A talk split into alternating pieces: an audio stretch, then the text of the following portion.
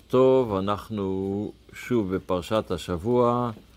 אה, אני הרב שרגא זלמנוב, השליח של הרבי בבית חב"ד קווינס במיין סטריט, וכרגיל אנחנו מקדישים את הפרשה כל פעם למישהו אחר, אנחנו מקדישים את הפרשה הזו, את השיעור הזה, לכל החוגגים את חג הגאולה י"ט כסלו, שכולנו נתברך ב...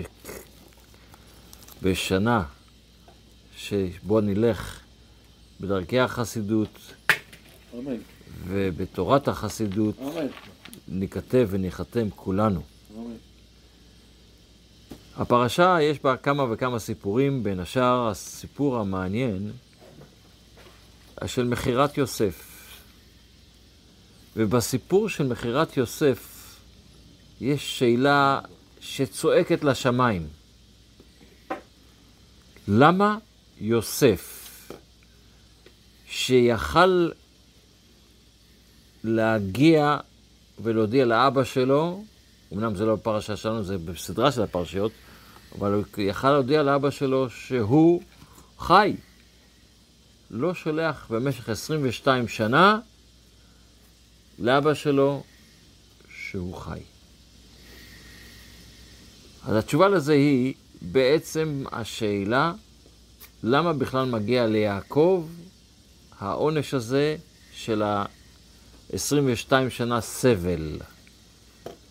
התשובה לזה רש"י כבר עונה לנו בתחילת הפרשה, שבחיסרון של יעקב ביחס ל... לדרגה שלו, לרמה שלו, הייתה בזה שהוא לא כיבד את אבא שלו, ביחס לעשו. עשו קיבל את אבא שלו 22 שנה יותר ממה שהוא. וכיבוד אב, מה זה כיבוד אב? איפה זה 22 שנה? הוא היה בבית לבן. או. ולכן אומרת התורה, חיסרון בכיבוד אב זה חיסרון שפוגע בחיים שלנו. וצריך לשים דגש חזק על הנושא הזה, עד כדי כך שלפעמים אלה שזוכים, אה, שיש להם הורים, אלה ש...